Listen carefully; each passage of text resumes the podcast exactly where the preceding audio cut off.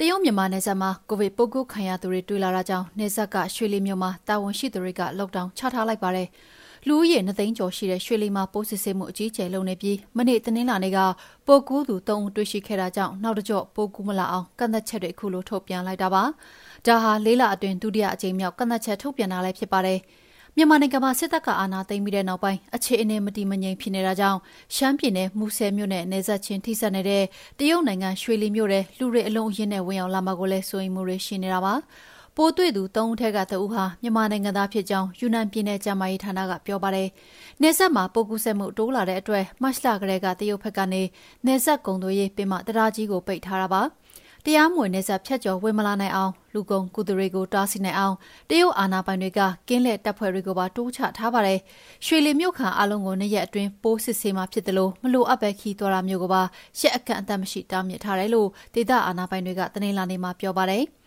မြန်မာနိုင်ငံထဲမှာလည်းကာယောဂအခြေအနေတစ်နေ့တစ်ခြားပိုဆိုးလာနေတာပါမြန်မာအားကစားနဲ့ကျန်းမာရေးဝန်ကြီးဌာနရဲ့ဇူလိုင်လ9ရက်ထုတ်ပြန်ချက်အရပိုးစစ်ဆေးမှုတထောင်ကျော်မှာပိုးတွေ့သူ3000နေပါရှိနေပြီးတော့ပိုးကူးသူနဲ့တိတ်ဆုံးသူတွေကလည်းနေစဉ်လိုစံချိန်တင်တိုးလာနေတာဖြစ်ပါတယ်။